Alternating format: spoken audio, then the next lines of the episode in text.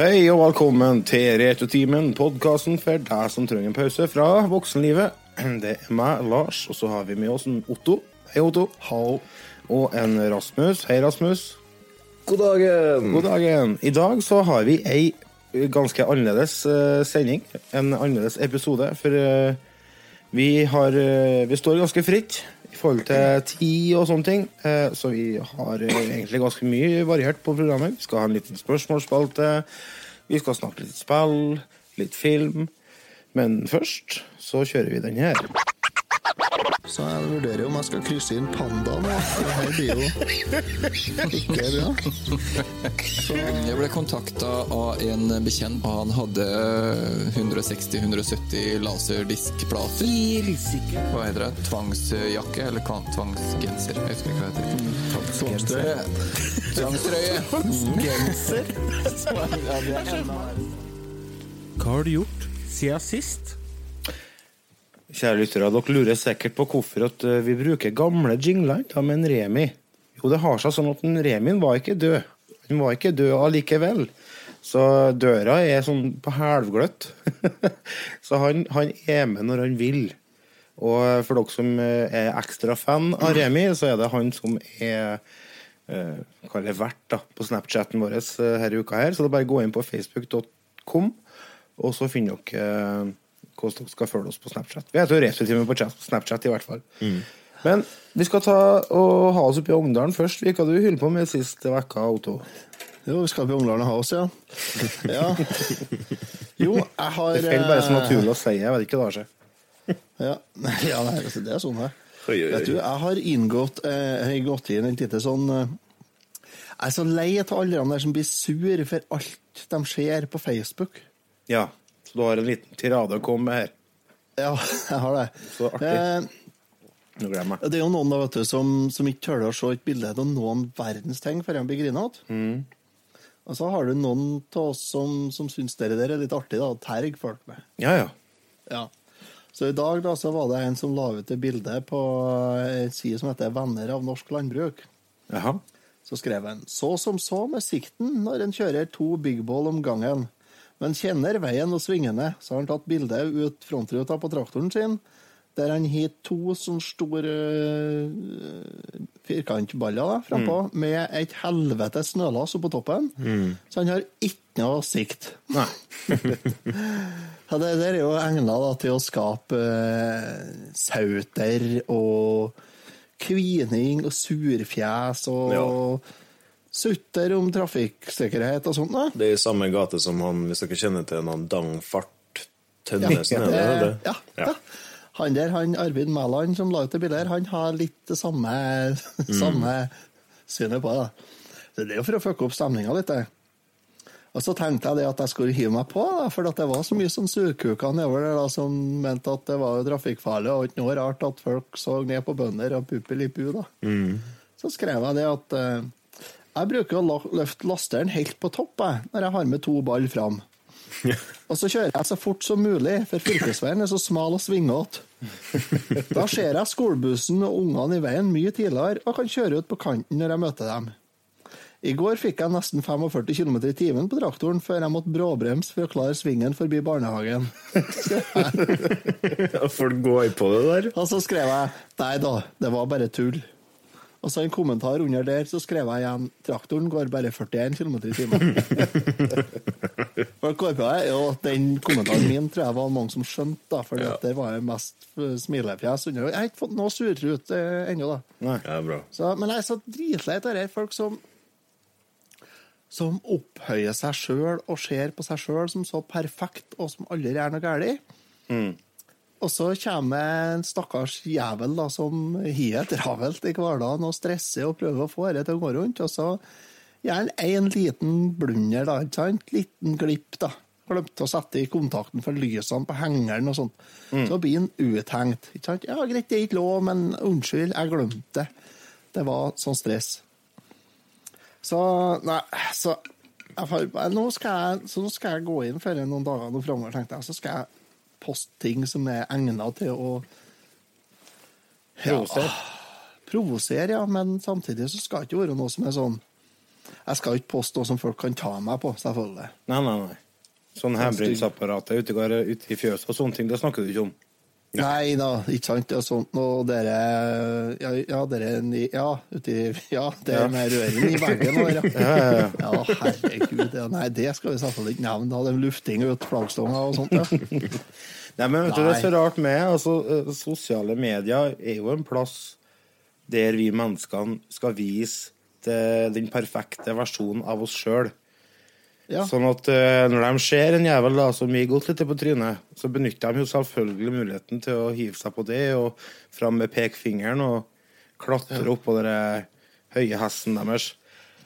Og, men jeg tenker det at Altså, Det er jo lett å bli provosert hvis du ser en person som kjører med to helmballer oppå dere, og det ikke er noe sikt. Altså, jeg ser jo den. Men så, Ja, men så er det noe med dere Og så er det noe med dere med humor på, på internett.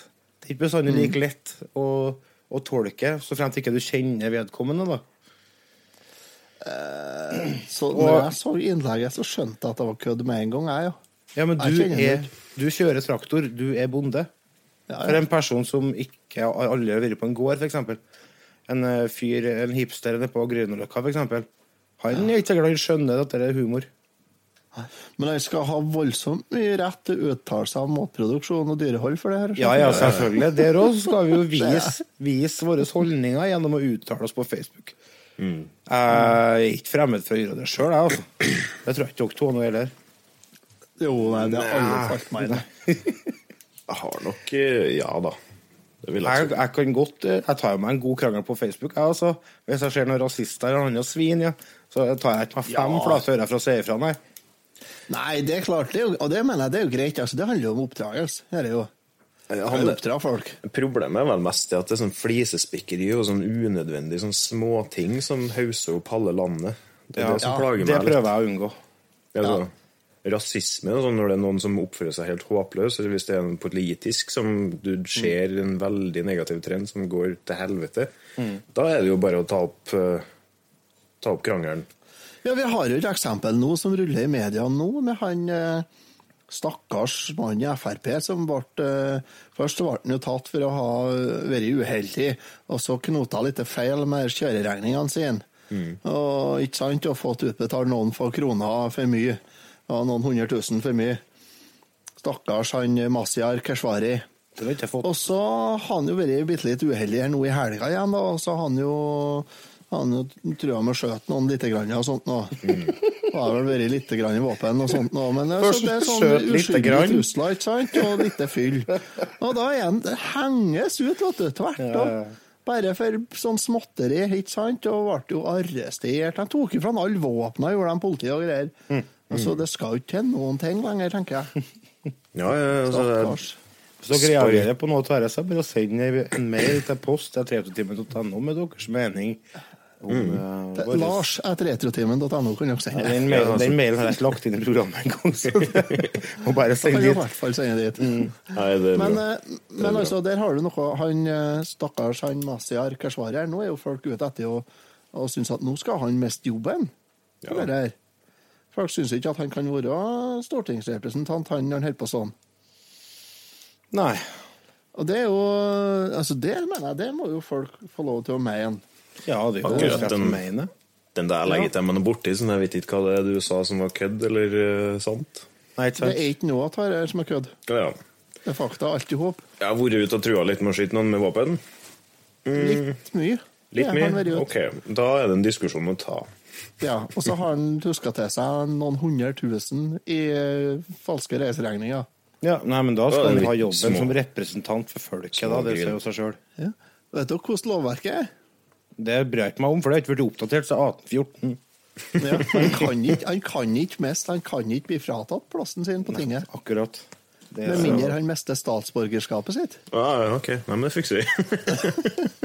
da kommer vi plutselig inn på anna, Ja. anna Da kommer vi inn på det. Frp har forfekta ganske lenge. Ja, Ikke sant. sant? Nei, um, nei, det skal ikke være enkelt. Rasmus, da, hva du bedriver i siste tida med du? Har du engasjert deg i noen politiske debatter på Hva heter det? Fri, frie ord? Nei, dæven. Resett. Resett, ja. Vet du, kjære lytter, hvis du er en person som bruker resett.no som kilde, så eh, må du ta og prøve å spørre om hjelp. Ta og Snakk med noen kompiser, noe, og så få dem til å hjelpe deg å se etter andre kilder. For det er, det er, ikke, det er ikke rett, det som står der. Ikke alt, nei. Det er veldig, veldig mye som er feil. Men Rasmus, vær så god. Nei, politisk, det Ja, det kryper innpå meg, merker jeg. da. Jeg engasjerer meg jo mer og mer i sånne saker og Ja, ting. du er på stam stemmerett, du også. ja, det nærmer seg. Uh, nei, stemmeskifte du tenker på, du. Ja. Rasmus er ikke er på sånn, spøket. Bare en pysj. Ja. Jeg begynner å skjønne nå. Ligger et par s- li- Ja, ligger vi et par, Nei da, jeg har hatt storprosjekt. Koser meg, rett og slett. Ja, det har dere som, dere som uh, følger oss på Snapchat. Dere har jo sett det sjøl. Bilder og Ja. video. Nå driver jeg og trikser, så jeg vet ikke engang hvor jeg skal begynne med å forklare denne galskapen. Men uh, jeg Nei, har du har jo fullstendig gitt opp å spille sjøl, du. Ja, altså litt av greia var jo det at Sier sånn, da. eh, hvis jeg tar dere med tilbake til når jeg var aner ikke, enda mindre kjønnsmoden, så så hadde jeg spilt mye gitarhero etter, eh, etter skoledagene på ungdomsskolen. Og jeg ble jæskla flink. Rett og slett dritflink. Og på den tida så hadde jeg også nylig fått meg en PlayStation 3 og begynte å bli litt interessert i det trophy-systemet, som det heter. Og det er da achievements for dem som er kjent med Xbox, da. Og Guitar Hero Trophies er noe av det jævligste som finnes her i verden. Det er rett og slett så utrolig vanskelig, noen av dem. Men jeg har fått til nesten alt, bortsett fra én på Guitar Hero Metallica. Ja, du spiller den med bare Metallica på? Ja. Jeg har ikke- Det i hvert fall- jeg har ikke spilt det siden Jeg kjøpte kjøpt eh, World Tour, det med trommesettet, og så spilte jeg toeren eh, mye, og treeren eh, veldig mye. Men Ja. ellers så ikke jeg. Så etter det så har jeg dyttet av litt. Jeg vurderte å kjøpe til Xbox. ja. Og det er jo artig spill. Ja, det er det. Absolutt. Kjempeartig å spille i lag med folk. Men bare for å selge inn det poenget med hvor vanskelig de trofeene er, da, så eh, Det var vel Guitar og Greatest Hits, tror jeg. Der klarte jeg faktisk å få til alle trophies. da. Og når du får alle trophies, så åpner du et platinum-trofé. Og det var jeg den tredje i hele verden til å få til. Oi, dæven. Eller kanskje den femte, da, men jeg er den tredje fremdeles aktive PlayStation-profilen som har åpna det trofeet. Det er jo rått. Det er ganske tøft. Litt hinsides statistikk å tenke på, men eh, ja, uansett, da, det er vanskelig i alle fall. Og de Guitar Hero-instrumentene der er jo ikke akkurat bygd for å vare, så det er jo ingen av dem som funker ennå. De, de ligger i kasse ute på verkstedet mitt liksom, i tusen knas. noen av dem sikkert ødelagt av naturlige årsaker, men noen av dem har jeg bælma i veggen og knust. Så det jeg gjorde, var at jeg tok og plukka frem elektronikken som lå igjen fra en av gitarene der. Og så fikk jeg fiksa den så den funker. Det går ikke an å spille på den, naturligvis, men det er jo ingen av de vitale delene er jo her ennå. Men jeg, jeg tok og så kobla den opp til Arduinoen min, og så lurte jeg på om hmm, kanskje jeg skal ta og sette i gang et lite prosjekt med å lage sånn jeg har tenkt på det her lenge, å lage en selvspillende eh, Guitar Hero-robot. Og i og med at jeg kun har igjen det ene, den ene sangen og klar med veldig høy poengscore, så trenger jeg ikke å lage en av dem som leser skjermen. Jeg kan lage en som er forhåndsprogrammert med den sangen. Ja, sant. Uh, og når jeg, hvis jeg får til det der, da, så skal jeg legge det fra meg for godt. Da, da er gitar jo ikke lenger en del av mitt liv. Da er det et lukka Jeg må bare spørre kapittel. deg om en ting, Rasmus. Heter du Rasmus på PC-en? Det gjør jeg. Tre O-er. Ja. Jeg ser Siden det.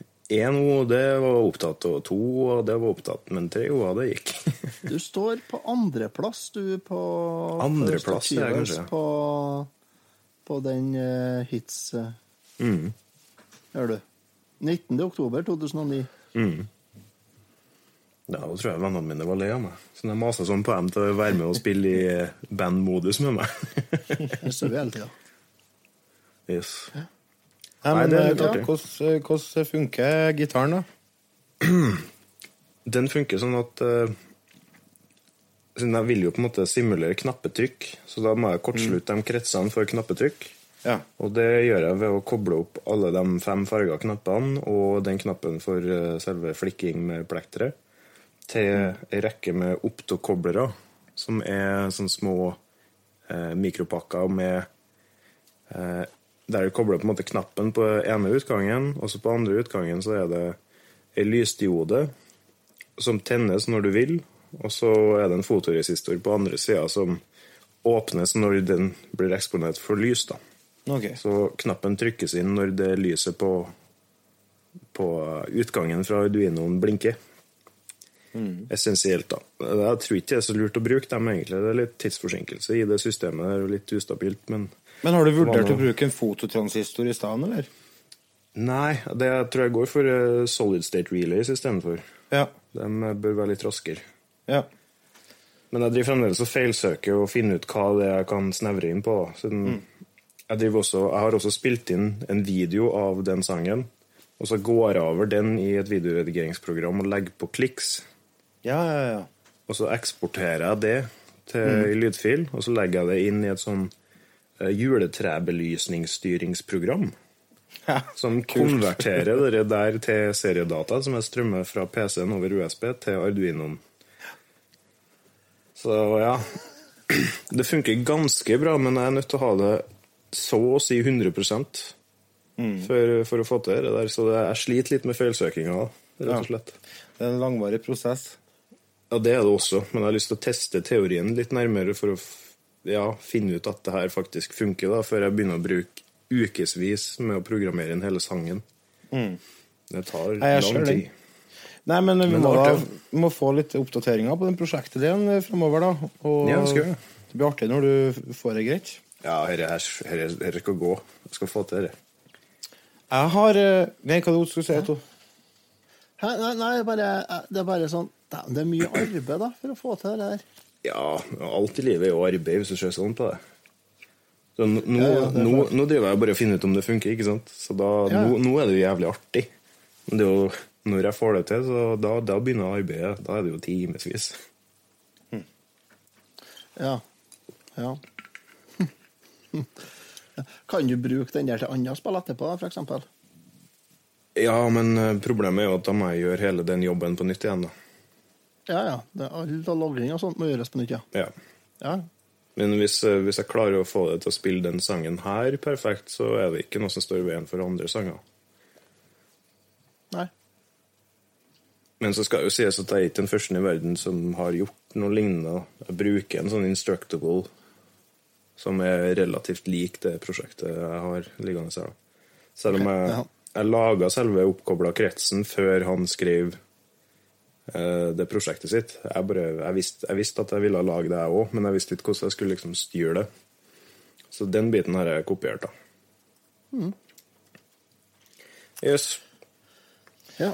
En, en Lars. Larsen han har uh, sett mye TV-serier den siste tida. Han har sett gjennom hele den Le Miserable-TV-serien på NRK. Den var kjempebra for øvrig. Til dere som ikke er glad i musikaler, det er ikke en musical. Det er en TV-serie som er basert på boka som er skrevet av en Victor Hugo. Eh, det er en kjempe, kjempebra TV-serie som eh, sentreres rundt eh, flere historier, annet en fange som kommer ut av fengsel og er på søken etter tilgivelse. Og han, han, vil gjøre, han vil være en god person. Så han jobber opp, imot det. Men så Rett etter at han kommer ut av fengsel, så stjeler han noe av en unge. En, eh, en mynt. Og det er en sånn forbrytelse som eh, er nok til å sende han tilbake igjen i fengsel, og så havner han på rømmen igjen. da. Og så tar han over. Han adopterer dattera til ei hore, og det, det er masse, masse Og så er det revolusjon i tillegg, da. Det foregår i Paris, er det her. Så det er en veldig bra, veldig påkosta serie som går på NRK. Eh, absolutt å anbefale hvis dere er glad i sånn eh, Ja, kall det drama, da. Men, eh, Men har, det er har, NRK og- kjøpt, har NRK kjøpt rettighetene til den serien her, eller er egenprodusert? Nei, nei, nei, det er ikke egenprodusert. Det er ikke NRK som står bak, nei. Nei, det hørtes Nei. litt ambisiøst ut uh, for det. Ja, litt. Jeg tror ikke Jeg skal det. kanskje i veien og se Le Miserable i London i starten til mars. Mm. Dæven. Kanskje. Hvor heldig. Jeg har ikke helt bestemt oss for om vi skal se den, eller om vi skal gjøre noe annet. Hvis dere først er i London, så kan det jo være en god tanke, det. da. Til en Ja, vi er det der. Jeg har sett musical i London. Det er noe for seg sjøl. Så skal Mhm. det først være å se musical, så er det plassen det får altså. Eller selvsagt uh, Hva heter det borti New York der? Broadway. Broadway. Broadway, ja. Men uh, det blir litt langt til forhånd for å se et show. Ja. Annen serie jeg har sett eh, i det siste, er en eh, dansk serie. Det er et samarbeid med NRK, blant annet. Beklager. Som heter Kriger. Det handler om en eh, soldat fra Irak-krigen, tror jeg det var, som kommer tilbake og, og igjen føler skyld fordi at han beordra en annen mann inn i døden, mer eller mindre. Fordi at, og det er for så vidt spilles av han Oftebro. En av Oftebro-guttene. Så han eh, føler veldig at det var hans skyld at han døde. Eh, noe som gjør at han føler at han står i skyld til kjerringa til han som gikk bort. Og kjerringa til han som gikk bort, hun arbeider som politietterforsker. Sånn at eh, det hun ber han om å gjøre, er å infiltrere en sånn MC-gjeng i København. da. Så han går undercover der, og det er sånn det er ganske heftig. Mye, mye action, og det, de skal- prøve å, å arrestere dem på et sånn eh, kokain, eh, kokainhandel. Flere hundre kilo med dop som kommer til, til Danmark, og så skal de prøve å frame dem. da. Jeg skal på å åpne godteri framfor mikrofonen. Ja, jeg beklager. Jeg prøvde å være subtil og stille her, men det, jeg merka det at bare Herre her var ikke noe suksess, Rasmus. Nei, sånt uh, gjør vi ikke. Altså, vi kan heller ikke sitte og ete i mikrofonen. Det er ikke Ikke potetgull engang. Nei, det kobler jeg deg ut. Hva med smågodtposer? Det er godsaker foran mikrofonen. Så jeg begynte å spille til Spiderman. Ja. Det har det. For et heftig spill. Det er, det er saker på PlayStation 4. Altså, eh, først så liksom kommer du bare inn i New York, og så skal du lære deg å bruke det spindelvevet, og så etter hvert så begynner du å få teket på det. Det tar ganske kort tid. Og så bare havner du inn i det ene actionfylte oppdraget etter det andre. Og det siste oppdraget jeg gjorde nå, så er det jeg, Spiderman, og en politi som starter med å gjennomsøke en sånn diger brygge for spor. Etter en sånn forbryterbande da, som opptar, de omtaler seg sjøl som Eller de kaller seg for Demons. For de bruker en sånn jævelmasker. Og etter å uh, funnet flere containere med skjulte rom da, inni der brygga der, så finner du en bryter som trigger ei sånn skjult luke i gulvet. Og luka den fører til en tunnel, som igjen fører til skjulestedet til den gjengen. Og de er akkurat på vei til å rømme da, når, de, når jeg og så han politien kommer og tar dem på fersken. Vi, de prøver å rømme i to lastebiler som er fulle av våpen. Og Da rekker du akkurat å stoppe dem da med spindelvevet og en helvetes kamp da, som bryter løs. da, Med masse våpen og forskjellig. Og etter du har tatt ut alle, bortsett fra tre stykk, da, så prøver de å rømme da, fra deg i lastebilen. Og da jakter du da på dem da, gjennom New Yorks gater. Han, bilen er på bakkenivå, og du fører å sveive over sant? og skal prøve å komme så langt fram at du klarer å hoppe deg på taket. Og når du endelig kommer deg på taket på bilen, da, så må du jo ta ut dem som er inni bilen. Så først så klarer du å ta ut dem som er baki, baki hengeren, skal du si. Og de har jo for så vidt stått og holdt på å skyte med bazooka etter deg hele tida, mens du har vært og sveiva gjennom lufta. Og med masse akrobatikk og styr og stell, så klarer du å ta ut dem. Og så når du skal ta ut han sjåføren, da, så kommer det en tankbil mot deg. Og den tankbilen og den lastebilen krasjer, og du klarer akkurat å ta igjen deg før du ser at tankbilen er på vei utafor brua ned på en sånn jernbane som går der. Og da må du ta et valg, da. Fokusere på fienden, eller skal du hjelpe han i tankbilen? Og da velger du selvsagt han i tankbilen.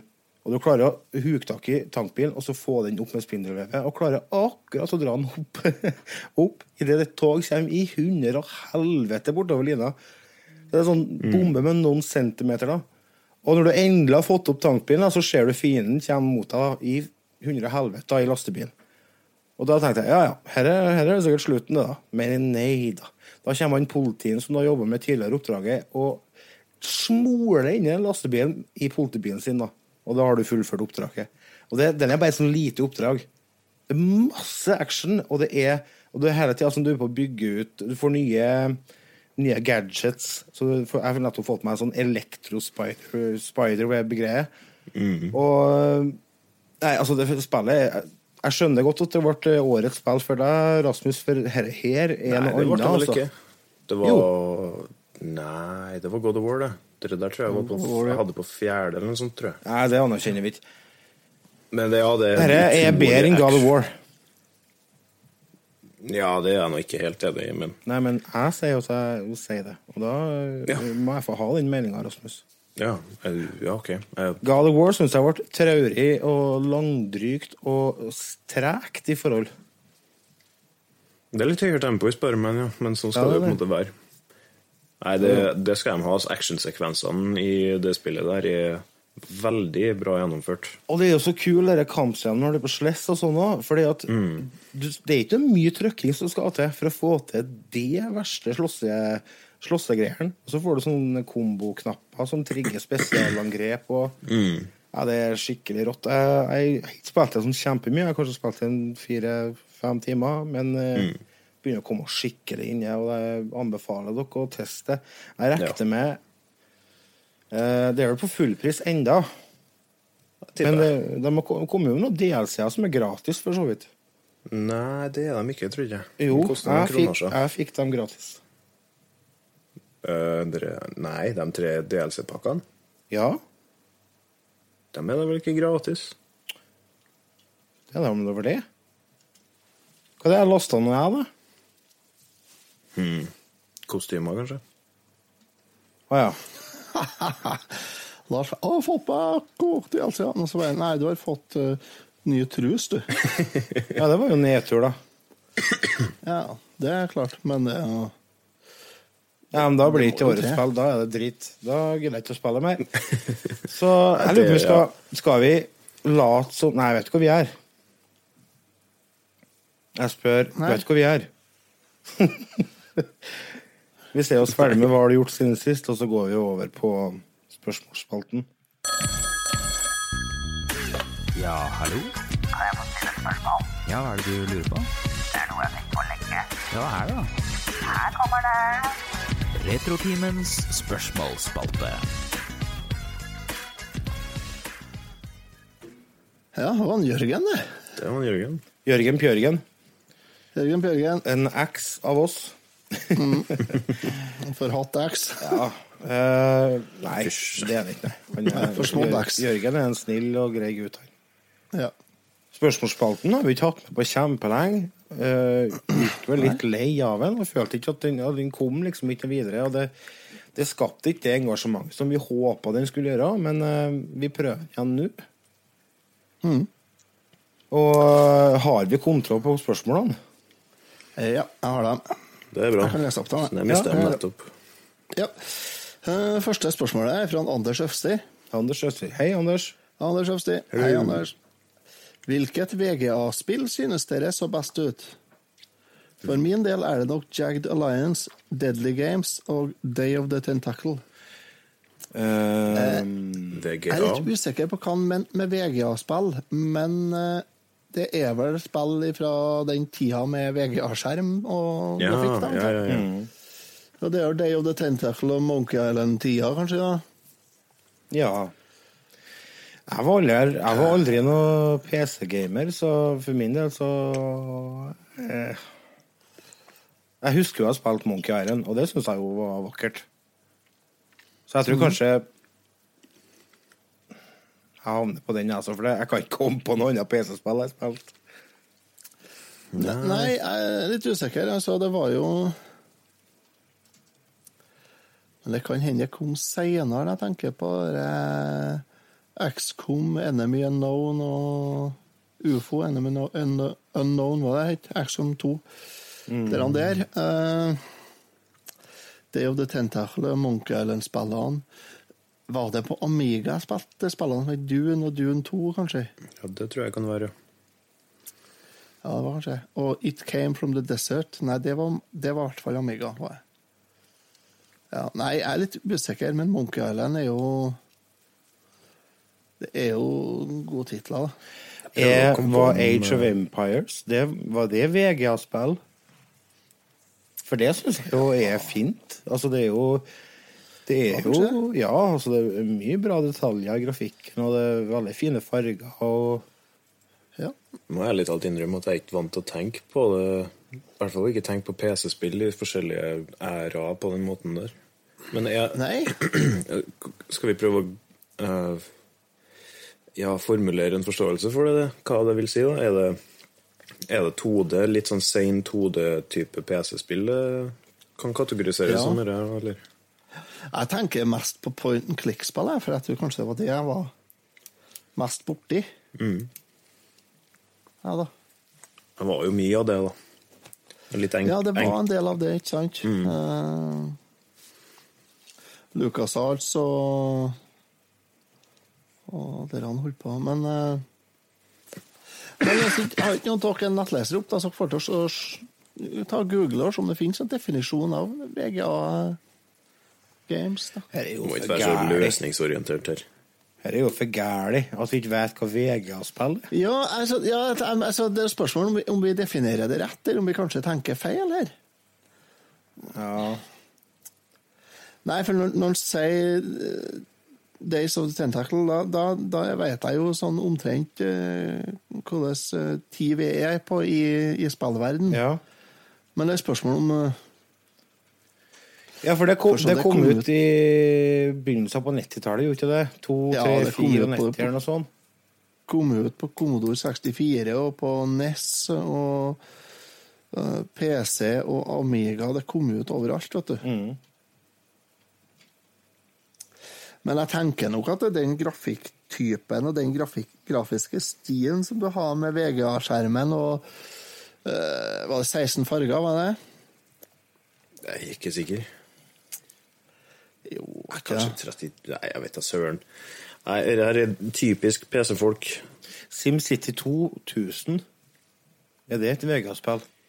For det spilte jeg. Kan det være. Det kan stemme. Det var jo, det var jo sånn som jeg mener å komme på at det var. For da hadde jeg kun spilt SimCity, den originale, til Amiga. Og så gikk jeg rett over på SimCity 2000 og bare wow! Her var, var noe annet, ja. I stedet for å bare se ting ovenfra, så hadde du faktisk ordentlige bygninger som var på skjermen, liksom.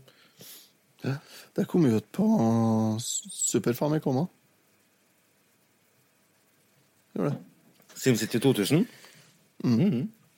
Nei, vet du hva det er? VGA, SVGA, EG, EGA Det, det skjønner ikke jeg noe av. jeg. Vet du, vet du vi, skal, vi skal få det i leks. Vi skal finne Ja. hva VGA Ja. er til neste episode, og så kan vi svare ordentlig på det spørsmålet da. Er kanskje en Anders Øvsti har lyst til å prøve å eh, drive litt folkeopplysning? Ja. For det er tydelig at det trengs. ja. Hvis du hører på denne episoden, så. Hører du det, Anders? Ja, må du gjøre. Hvis du har lyst til å komme med litt eh, kloke ord, send meg en eh, PM. Ja. Da var vi til spørsmål nummer to. her, da. Det er fra Kristoffer Getto Boys Hansen Leistad. Hvem er den beste spillfiguren gjennom tidene? Og hvorfor er det Luigi? Luigi, det er jo den uh, forsmådde broren som uh, aldri får den kreden han egentlig fortjener. Fordi det er ingen som tørker støv med så stor klasse som Luigi. Nei, det er sant. Det er sant. suger ikke like kraftig, ja. Det er sant. Men uh, ja, er ikke Sol som er den eh, beste spillfuglen, da? Eh, Men Sul er kul. Wow, det rimer. Ja, men han er det. Han er kul. Sånn, uh, eh, visuelt sett så er han dritkul. Ja, glad i engelsk fact. Ja, han er det, ikke. Sånn uh, Hva heter det konfekten? Eh, heter for uh, Du bruker å kjøpe Bestfets. Ja, ja, stemmer. Vi bruker å kjøpe en, bruker å kjøpe en sånn pakke til jul, vi. Oh, Jeg er elsker dem som er sånn brun, og så lakris, og så brun. Så er ingen av dem som er gode. Hæ? Kødder du? Nei, maken for noe bestefar Det er jo rågodt. Ja, det er kjempegodt. Du er nedstemt, Rasmus. Ja. Nå skjemmes Rasmus. Men, er, men jeg er ikke enig med at Luigi er best. Men hvis vi skal, Nei, ikke skal vi argumentere på hvorfor han er best, da? Hvis vi, for at, hvorfor er Luigi best? Blir grønn og en kongefarge.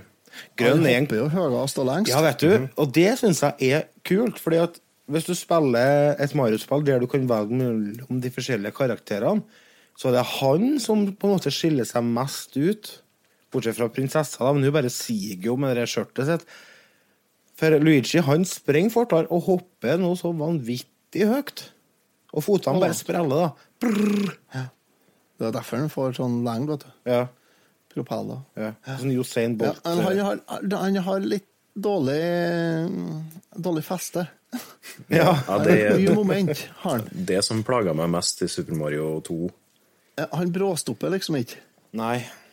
Men når du blir vant til det momentumet hans, så er han jo kjempegod å spille med. Ja, ja. Og så er altså Regis Mansion-serien er jo konge. Ja, første spillet syns jeg er skikkelig koselig. Mm. Jeg gleder meg så gærent til det kommer oppfølger på Switch. Ja, Det starta på, på GameCube, det gjorde ikke det? Ja, jeg tror det var slipptittel til konsollen. Ja, Ja, det. ja. GameCube, og så kommer vi på 3DS. Og så kommer vi Ja. på Switch. Og så kommer vi på Nei! Nei, nei, nei, Nei. Det kom originalen på, på GameCube. Var. Var ikke på Wii Nei, nei, nei. Uh, originalen kom på GameCube, Ja. og så kom oppfølgeren på 3DS, og så kom originalen på 3DS også. Ja. ja, men var ikke et på Wii òg? Eller Wii U? Nei. Hva ikke Nei, det det, tror du? ikke jeg her. Men uh, tredje spillerserien kommer snart til Wii, da. Men jeg er til. Switch, men jeg er i fred. Vet vi noe dato på Ja. det? Jeg gjør vi det? Har de Jeg satt tror ikke jeg fikk noe dato på det. Jeg tror, det sto- jeg tror det sto 'to be announced' på det. Ja. Ja, spørs det, ja. I likhet med Ja, jeg tror det. ja. Men hvem er deres egentlige favorittkarakter innen spill, da, hvis dere må valge én? Oi. Den er jo ikke så lett, altså. Det spørs jo, det spørs jo veldig. Eh, Nå i senere tid så er det jo mer eh, karakteren som Ja, altså personlighetstrekk og karakterutvikling og sånn som spiller en rolle. Men før i tida så var det bare 'Å, han er kul'. Og hun er kul. Så jeg går for den gode gamle. Samus fra Metroid-serien er meget kul. Ja, ja. Enn du, Otto? Ja, det Ja. Jeg tror eh, Jeg tror jeg skal gå for Little Mac. Bokseren i Punch-Out? Ja. Underdoggen? ja. Jeg slår et slag for uh, Pacman. Bestandig vri glad i Pacman. Jeg syns det var så kult i den uh, Pixels-filmen som alle eh, Det gikk sport i å hate, vet du, for eh, det er ikke kult å like Kevin James. Så Og der er jo Pacman uh, badass. Pacman kommer jo og holder på å ete opp dem, alle sammen. ja et opp alle, ja. Og så eter han opp handa til skaperen sin. For han som, han som har skapt Pacman, han liksom skal hjelpe dem, da. Og så ser de en sånn diger Pacman, da. Så går han forsiktig bort, da. It's me, my son. It's your father. Og så står han helt med Pacman, og så plutselig bare Pacman. Au! så eter han av den halve handa, og det er så bra. det er en, jeg syns det er en undervurdert film. Jeg synes det, hvis du er glad i gaming og, og ikke er så høytidelig når det kommer til film, så sjekk ut den filmen Pixels. Du får den sikkert til ti kroner på, på nettet. For, Landeveisrøveri. Ja. Uh, skal vi gå til videre til neste spørsmål? Det. det er fra Petter, ja, det er fra Petter Falk. mm, hei, Petter. Han er jo uh, Heter han Petter eller Patter? eh, Petter, ja. Petter. Peter. Petter Falk. Kall den Peter, ja. Ja. Han er jo, eh, er jo Rasmus sin medsvommensvorne i Twin Dick Gamers. Co-founder. Det er så, det er så, Co-founder. bra, for det er konsekvent talefeil på det. Jeg har aldri hørt deg sagt det egentlige navnet sitt Ja, nå, nå tenkte jeg jeg skulle prøve å si det litt fort, sånn at ikke noen fikk det med seg. Nå, jeg får med meg. Nei, det er Twin Stick Gamers, ja. Yay! Jeg har nesten glemt det. Han har blitt kalt Ja. Twin Dick Gamer så mye nå. Eh, Han lurer på I 1992 var jo et flott år. Hva er deres favorittminner fra det året? Helst fra før 4. mars, skriver han. Hva som skjedde 4. mars? Hva som skjedde den 4. mars i 1992? Ble han født, eller noe sånt? Sikkert nok. Nei, ble du født da, Rasmus? Ble du det? ja. Har du jobbursdag snart? Ja, det har jeg for så vidt. Men det, dere her er jo gode, gamle Petter som er lei av å høre Rasmus prate i favorittpodkasten sin. Ja, så nå skal vi, ja, så nå skal vi høre ja, Og alt det bra som skjedde før 4. mars i 92. Oh, skal vi se, 92 var det året jeg ble eh, 14. Det var det året det var så bratt, det. Hæ? Var det bratt? Hva er favorittminner Har du ikke hørt den sangen, eh, Rasmus? Har du ikke hørt den låta, Øystein Sunde? Nei, jeg var litt opptatt i 1992, så jeg fikk ikke med meg den. Nei, den, kan- den gikk fra 1992, men samme det. Ja, Otto, du var, du var 14, ja. Du ble konfirmert det året, du. Eh, nei, jeg ble konfirmert året etter, vet du. Ja, OK. Jeg ble konfirmert det året jeg ble 15. vet du. Ja. Ja, nei, jeg ble konfirmert i 92. Jeg skulle se, jeg hadde, jeg hadde ikke noe moped ennå. Nei? Eh, Jeg kjøpte meg ikke moped. Jo, jeg kjøpte meg mop Kanskje jeg kjøpte først mopeden den høsten, forresten. Vi fikk, jeg fikk i hvert fall min første bil den høsten i 92. Gjorde jeg. Dæven. Jeg og broren min vi fikk, vi fikk oss bil vi, den høsten jeg begynte i sjuende, og han begynte i femteklassen. Da fikk vi oss bil. Ser du det? Eh, En fullt fungerende bil som funka og starta og gikk, og alt var greit. Ja. Så vi lærte oss å kjøre bil da vi får reise rundt nede på Teigen-tomta nede på Steinkjer her i helgen. Ja. Nede i sentrum, faktisk. Spesielt. En tolvåring og en 14-åring som for og griskjørte med en spygrønn Fiat 127 nedpå der. Det var andre tider, med andre ord. Ja, det var litt andre tider. Så det, nei, det var et flott år. Det var 92, ja. ja. ja. Det var et fint år, det. 92, det var da jeg begynte å spille i band, det. Rundt den Ja, tida. OL i Albertville. OL i Arbilville, ja, var da. Men da, det ga jeg egentlig litt blankt i. For jeg, jeg følger med var jeg, Nei, hva som var før Albertville? Calgary? Calgary var i 88, ja. Ja. For da var jeg det fireårsperioder på vinter-OL. Siste Ja, OL jeg så så det- før i nyere tid, det var 88. Så i 92 så var jeg mer musikk som begynte å gjelde for min del. Jeg begynte å oppdage det med å spille i band, og ha spilt i mitt første band da i 92. Så det var også mye, mye bra musikk som kom det året, da, som jeg på en måte knytter opp imot det, og med Ugly Kid Joe og litt forskjellig. Men jeg, det er vanskelig å huske noe spesifikt. Det er jo faen meg et liv siden. Det hadde skjedd mye sånn Omtrentlig. Det har skjedd så mye siden 92. Det kjennes som eh, Ja. Men samtidig så er det ikke så lenge siden. da. Jeg tror, denne, satt, år denne, satt, denne satt jeg og tenkte på i, i faktisk før i dag. Om at hvis band i dag gir ut musikk som er veldig inspirert av 90-tallet, så er det det samme som at band på 90-tallet var veldig inspirert av band fra 70-tallet. 60-tallet, faktisk. Ja. Oh, god damn. ja, det er litt å tenke på.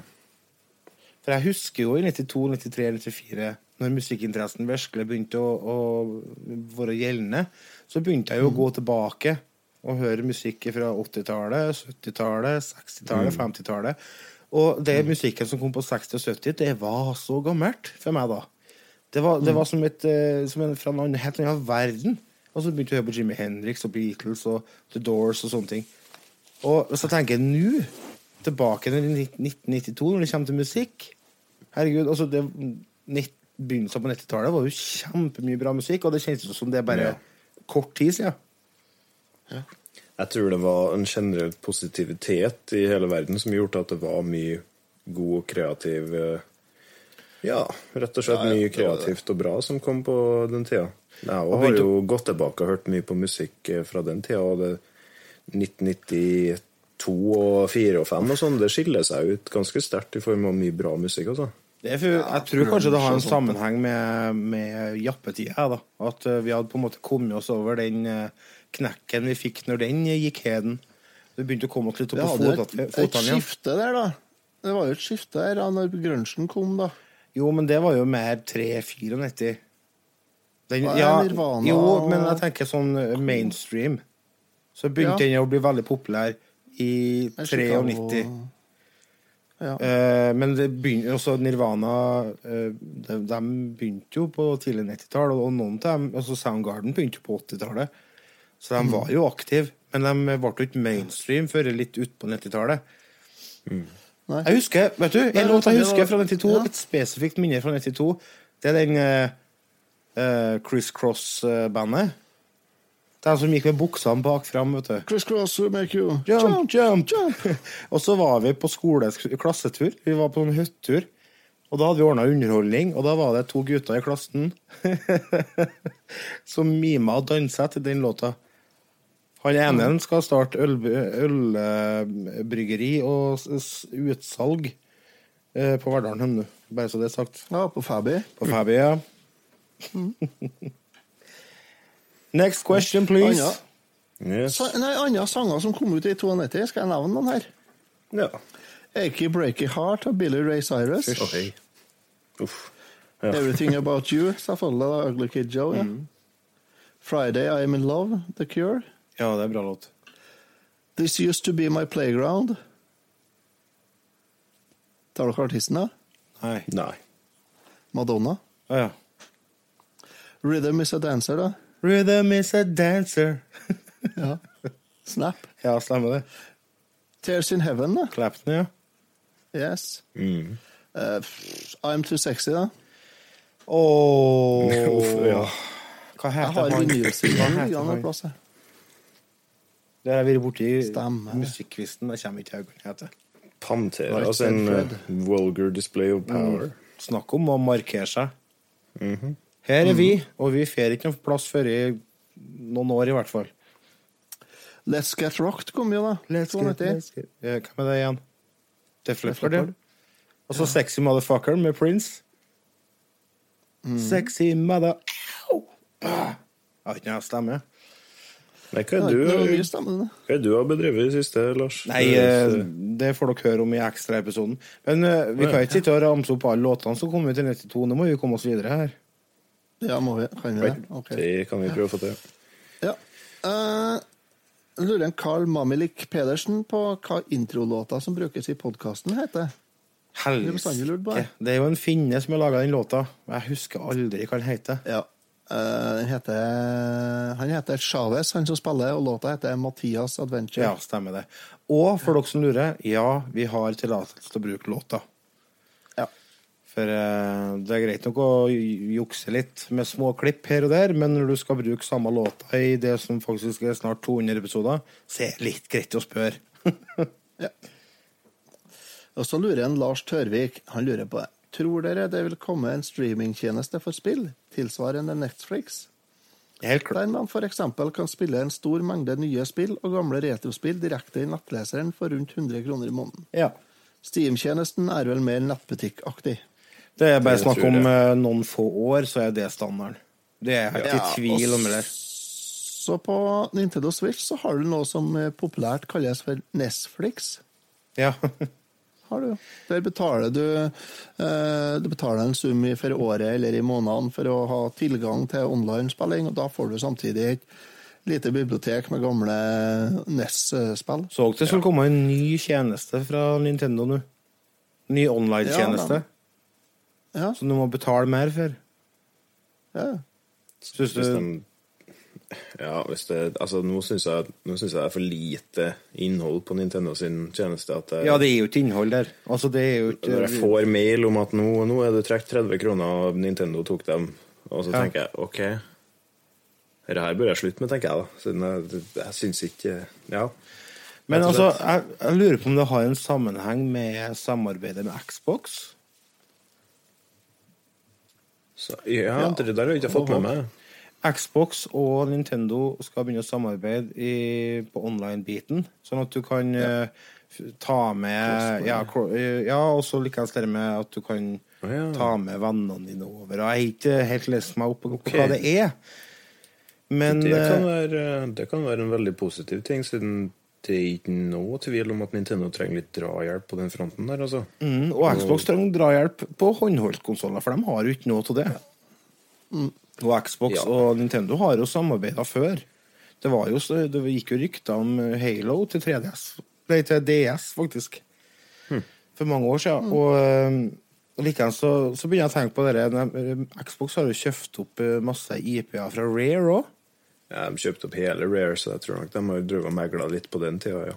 Så jeg tenker kanskje får vi se eh, flere sånne uh, Ja, altså Donkey Kong Country eller eh, Nei, uh, hvem heter det? Uh, Banjo-Kazooie. Ja, Banjo Kazooie. Ja. Tenk på. Du, det er. Det er bæsjespillet. Conquer-spill før. Ja. Ja, det At vi får en remake av det til, til, til Switch, for eksempel. Ja. Ja. Jeg har fått det til Xbox. ja, men det var jo ikke sånn suksess. Nei, det var ikke Nei, det. det var ikke. Der sensurerte de jo ja, skittpraten, skal jeg si, og det var jo det som var greia med det spillet. Så ja. Nei, men, Men det ja, var interessant. altså- Uten tvil, det kommer til å bli streamingtjeneste på spill. Og jeg, jeg mener kanskje jeg må teste det borti Japan. Ja, altså ta for eksempel um, uh, Å, hvilke spill var det nå? Jeg tror Resident Evil 7, for eksempel. Det er jo Ja. en stortittel som ikke kommer til noen gang å kunne kjøre på Switch. Det har jo kommet ut på Switch i Japan, Mm. og det gjør de ved at de streamer det. Men si Fra ikke en det. De eh, klarer kjøre, fjernserver. de klarer å kjøre, kjøre Doom på Switch òg. Ja, og det er jo rimelig imponerende i seg sjøl, det, da. Mm. Men eh, Nei, men altså det med å streame spill fra nett, det åpner jo for noe helt vanvittig med muligheter. For det er som du ser, da går ikke maskinkrafta lenger. Så da kan Switchen Altså, jo- kjøre i praksis hva som helst. store problemer med det men alle de store aktørene sitter jo i hvert fall og prøver litt så smått, da. Ja. PlayStation også har vært PlayStation Now-tjenesten. Der også er det jo samme systemet. Ja. Så det er bare snakk om tid. Xbox også driver på med Power of the Cloud, som det heter. Ja. Så det er jo ikke akkurat Jeg hører noen rapporter fra f.eks. Crackdown 3 som skal bruke det der i stor grad. da. Mye prosesskraft fra en eh, PC som ligger i skya. Og det, ja, det spillet har blitt utsatt litt, og jeg tror nok det kommer til å bli utsatt mer også. Så det, det er ikke så lett å få det til, men det jobbes med. Ja. ja. Jeg krysser i hvert fall fingrene for at de får det til framover, tenker jeg. Inge Buvik lurer på kvitt eller dobbelt? Må man velge? Er double down, motherfucker. Dobbelt. Bestandig dobbelt. Ja. Vi slutter jo ikke. Nei. Men hva, hva er greia her? Hva var kvitt eller dobbelt? Jeg husker jo ikke. Kvitt eller dobbelt? Kvitt, så tar du med pengene og går. Ok. Ja, Da slutter du. Quit. ok. Dobbelt satser du alle pengene dine, og dobler hvis du klarer Det var et, eh, det var et show på NRK, Ja. eh, både i kjempegamle dager og i gamle dager, eh, der de, eh, det var en sånn supernerd i hver episode som hadde eh, favorittemaet sitt, der han ble utspurt av sånne eksperter på temaet. Og så kunne han vel vinne var det 24 000, var det? Jeg tror det var 24 eller 48. 24 var det til å begynne med, og så ble det 48, og så ble det Jeg tror det var 96 000 da, en stund, altså. Ja, for det, det fikk jo faktisk en liten renessanse eh, Det er ikke mange år siden på NRK, der de kjørte en liten runde på igjen. Men eh, det, jeg tror ikke det ble noe sånn suksess, så det gikk ikke noe lenge, det, altså. Nei. Nei, Jeg husker det, men uh, het det kvitt eller dobbelt? det? Ja. Knut Bjørnsen var jo programleder på den, eh, på Ja. den versjonen jeg husker. Grytebjørn. Gryteknut. Ja. Eh, vi går for dobbelt, alle sammen. Sikkert. Helt klart. Så lenge eh, skuta kan gå. Det må dere høre med Lars Winnerbäck. Han har en helt fantastisk fin versjon av den låta. Ebert, eh, Ebert Taube. Som har den Ja, det er du som er visesangeren av oss her. Ta så Sjekk den ut på, på Spotify eller Tidal. Så lenge skutene kan gå, med Lars Winnerbäck. En jævlig bra og dynamisk versjon av den låta. Det er rett og slett et mesterverk. Sjekk den ut. Så har vi et spørsmål fra Trond Borgersen her. Trond Erik. Hei, Trond Erik. Hei, Trond Erik.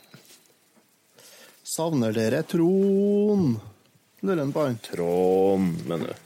Nei, altså, jeg utveksler jo ord med deg hver dag på chatten. Ja, det gjør vi jo alle. Så det er jo ja, eh, Noen ganger så savner vi en Trond i podkasten. Det gjør vi. Ja. Ja, Det er klart, det gjør vi det. Og som vi sa i stad, vi eh, Døra er bestandig åpen. Kanskje vi må ha en PlayStation-episode etter hvert. Da er det jo naturlig å spørre en Trond. Det hadde egentlig vært artig å prøve eh, En Trond, for dere som ikke kjenner han, han var jo med i podkasten før. Han var med helt i starten. Og han samler jo på sånne limited editions-versjoner av PlayStation 4. Konsollen. Så det har egentlig vært litt artig å snakke om det òg. Ja. Ja, ja, ja. Men det får vi se på. Ja, Så ja, Trond, du må åpne pakka i Pokémon Go.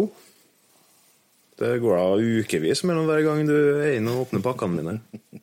Kanskje en ikke, kanskje han ikke er spiller Pokémon GO lenger? At det er bare du? Ja, kanskje det. Hadde dette vært forrige uke, kjære lyttere, så hadde vi vært ferdig nå med episoden. Ja, det har vi. Men det er ikke forrige uke. Nei, men uh... Så nå skal vi ta en pause, og så kommer vi tilbake med en film. Uff, Etterpå. huff for meg. Huff, huff, huff.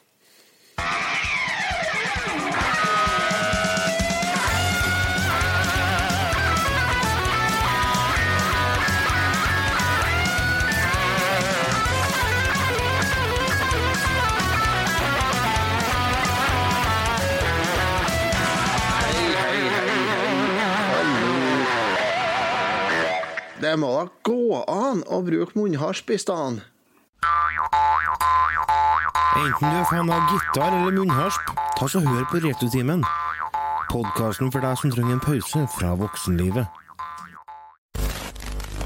These go to 11. But they'll never take our freedom! Ezekiel 25. You're gonna need a bigger boat. Nobody puts baby in a corner. Make my day. I'll be back.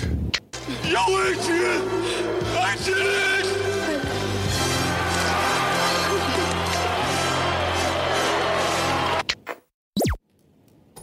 Uh, ja.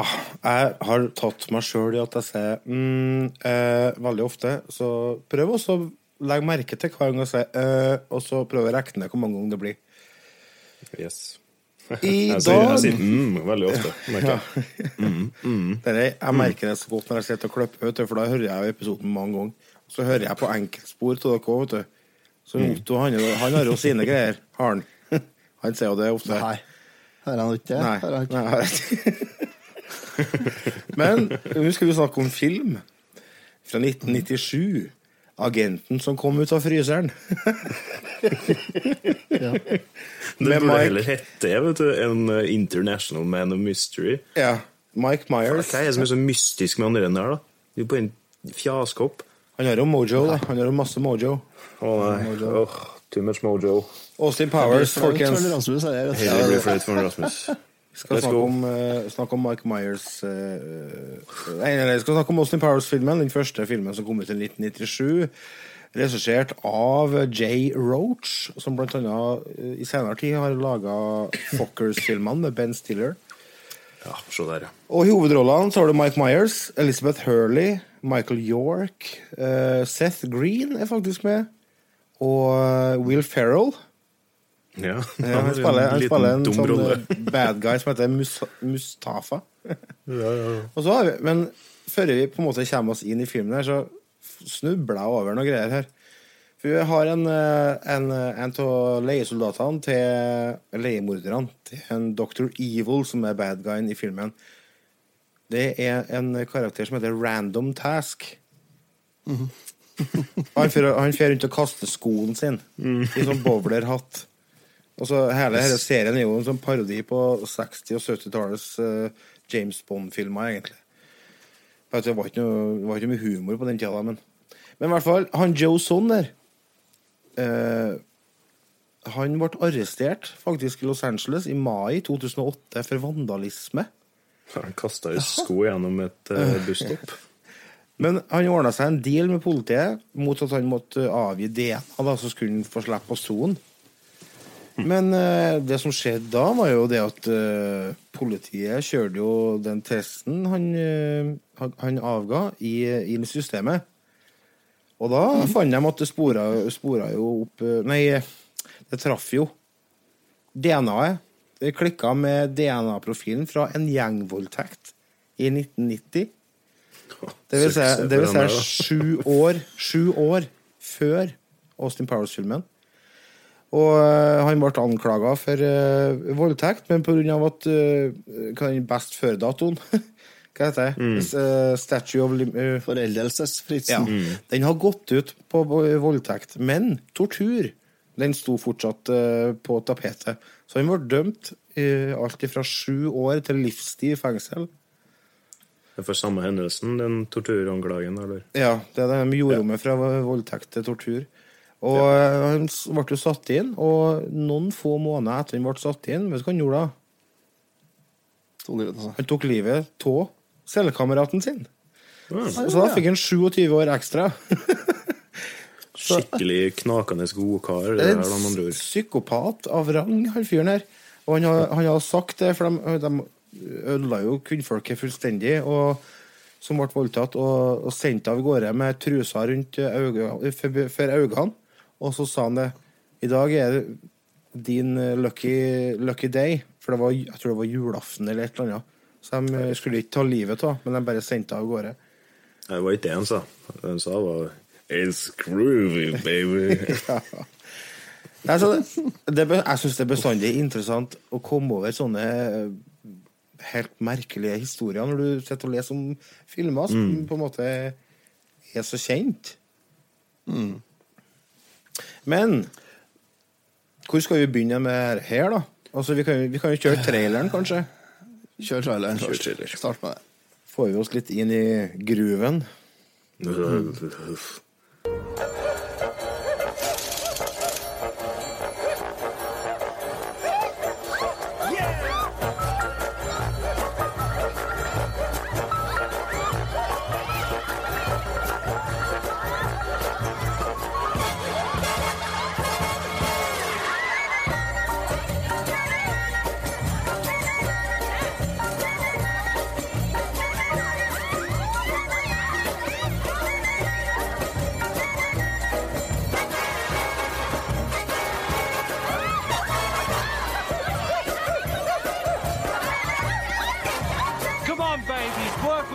people. All right, show me love.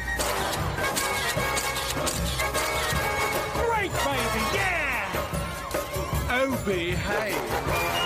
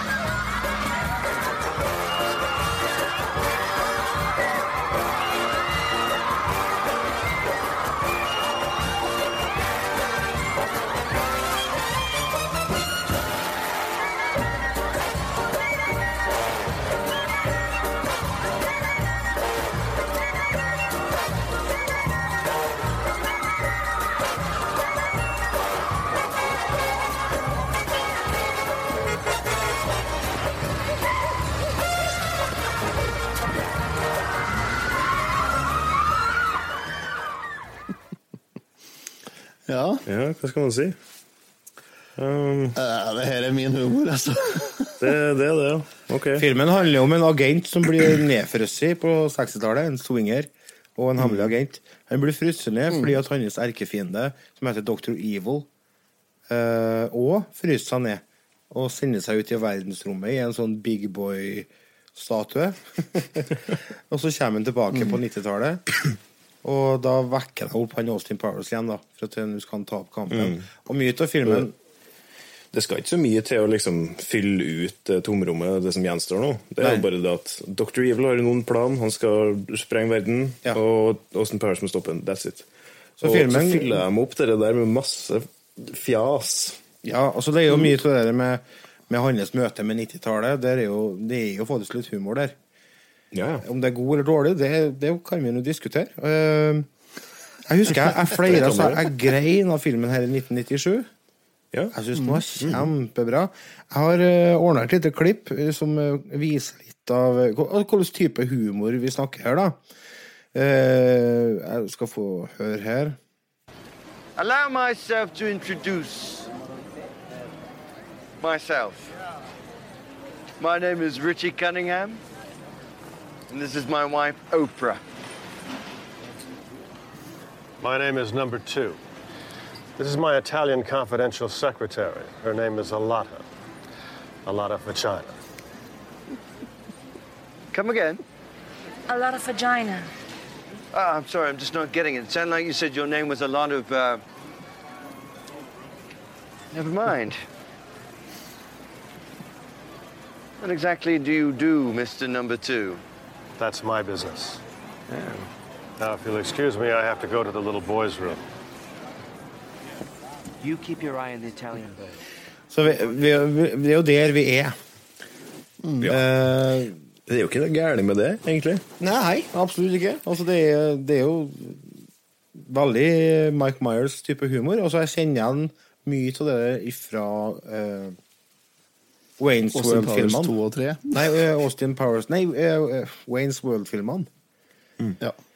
Uh... Det er samme humor. Det er litt, litt barnslig humor, men uh, jeg, jeg syns jo det er artig, da. Syns jeg jo. Altså, Ja. det, det skal jeg si at sånn På generell basis er det veldig mye i den filmen her. Og spesifikt med tanke på det at det er en James Bond-parodi, så det er det mye som funker. altså. Mye av den der bæsj-og-tiss og vagina-humoren der, den Ja, det er kanskje ikke akkurat uh, sofistikert humor, men det er noe humor. Det syns jeg, da. Det er ikke banebrytende. Nei, men det er morsomt. Nei. Artig. Og så han var jo Ja, det er Kan du kalle han et popkulturelt fenomen, den derre Austin Powers?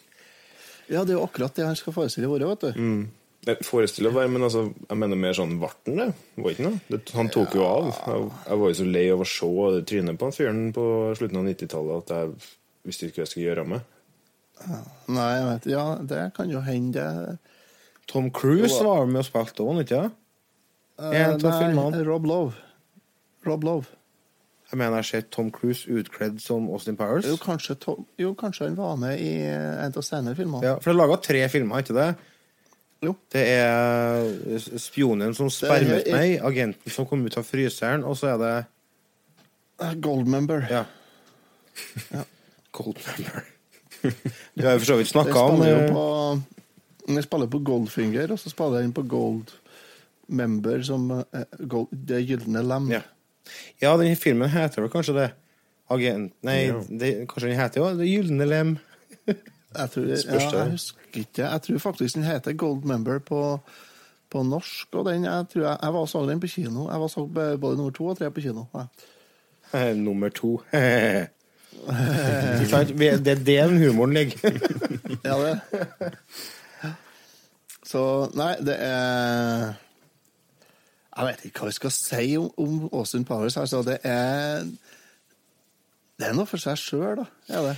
Ja, altså, det er jo, er det er jo en en ansamling sketsjer. Ja, altså er det jo, ja, det er jo en parodi, som du sier. Og det er jo Ja. blant annet han eh, Random Task. Han er jo en sånn erketypisk Bond-skurk, sant? Og, Oddjob. Oddjob, ja.